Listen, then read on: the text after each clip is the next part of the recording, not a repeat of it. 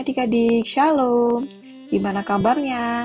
Kak Susi senang banget bisa kembali hadir menyapa kalian dalam program Penunungan Harian Audio Cerdas Berpikir. Edisi kisah-kisah dan tokoh-tokoh dalam Alkitab. Semoga kita bisa sama-sama belajar untuk kehidupan yang lebih baik.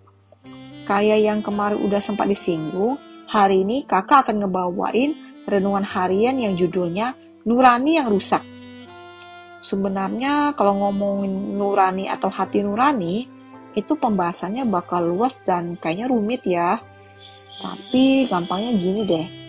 Nurani adalah karunia dari Tuhan kepada manusia supaya manusia bisa membedakan mana yang baik atau jahat, mana yang pantas atau enggak. Dengan adanya nurani, diharapkan supaya manusia memilih yang baik. Tugas nurani adalah kasih tahu sama manusia bahwa perbuatan yang akan, sedang, atau telah dilakukan itu baik atau enggak. Kalau yang udah dilakukan itu salah, biasanya akan timbul kayak rasa bersalah atau menyesal. Tapi kalau tetap dilakukan juga, kadar perasaan bersalah atau menyesal makin berkurang. Kalau perbuatan salah tersebut terus dilakukan, lama-lama perasaan bersalah atau menyesalnya bisa hilang Keadaan itulah yang kakak maksud dengan nurani yang rusak. Loh, kenapa hubungannya penjelasan soal nurani sama kisah Daud yang kemarin dibahas? Hmm, ya pasti ada dong ya. Nih ya, kemarin kan dibahas bahwa dalam 1 Samuel 25, Daud dicegah oleh Abigail untuk melakukan kejahatan yang ingin mencelakai Nabal. Untuk penjelasannya, kalian dengerin lagi ya renungan kemarin. Untung aja Daud segera sadar ketika dicegah untuk berbuat jahat. Itu artinya nuraninya masih berfungsi dengan baik. Coba kalau dia tetap memilih menjalankan niat jahatnya itu. Mungkin lama-kelamaan Daud terbiasa berbuat jahat dan kadar rasa bersalahnya semakin berkurang. Sampai nggak ada sama sekali. Kalau udah begitu, nuraninya rusak. Tapi Daud emang kayaknya sebisa mungkin nggak melawan atau nggak menolak nuraninya ya. Pas dia sadar karena dicegah untuk berbuat jahat, dia langsung mengurungkan niatnya. Dalam kisah-kisah berikutnya, setelah dia melakukan kesalahan, dia langsung menyadarinya dan bertobat. Dan ternyata Daud bilang gini dalam Mazmur 16 ayat 7. Aku memuji Tuhan yang telah memberi nasihat kepadaku. Ya, pada waktu malam hati nuraniku mengajari aku. Gimana dengan kita nih? Sebenarnya dalam beberapa kesempatan mungkin kita kayak dicegah untuk melakukan pelanggaran firman Tuhan ya. Dan itu bisa melalui berbagai macam cara. Ya situasi yang gak mendukung lah, diingatkan oleh orang lain lah, bahkan tiba-tiba diingatkan oleh suara hati atau firman Tuhan yang kasih tahu bahwa kita jangan melanggar firman Tuhan.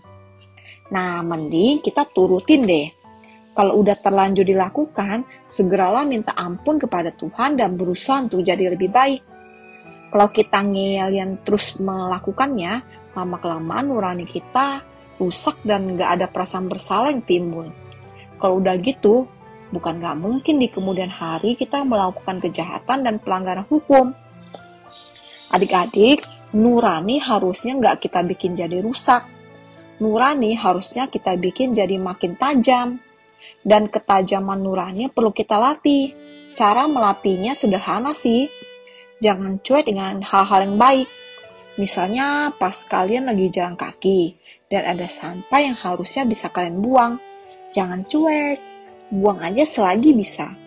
Atau contoh lain nih, misalnya pas kalian sampai di rumah lalu lihat ruang tamu agak berantakan dan kalian sebenarnya bisa ngeberesinnya. Jangan cuek ya, beresin aja. Gak ada salahnya kan? Jenis perbuatan kayak gitu dapat melatih nurani kalian jadi makin tajam. Kalau kita berusaha mempertajam nurani dan bukan malah merusaknya, kita sedang berusaha menjadi manusia yang lebih baik di hadapan Tuhan. So, ayo kita menjadi lebih baik, oke? Okay? Yuk kita berdoa. Bapak yang baik, hari ini kami belajar untuk tidak merusak hati nurani kami kami mau menjaganya dengan baik, bahkan mempertajam nurani kami untuk melakukan hal-hal yang berkenan di hadapanmu. Bantulah kami ya Tuhan, mampukan kami untuk selalu peka dengan tuntunanmu melalui hati nurani kami. Terima kasih Tuhan, dalam nama Tuhan Yesus kami berdoa. Amin. Oke, Kak Susi undur diri dulu ya. Tetap sehat, tetap semangat, dan tetap jadi berkat. Jangan lupa bahagia ya. Tuhan Yesus memberkati. Dadah.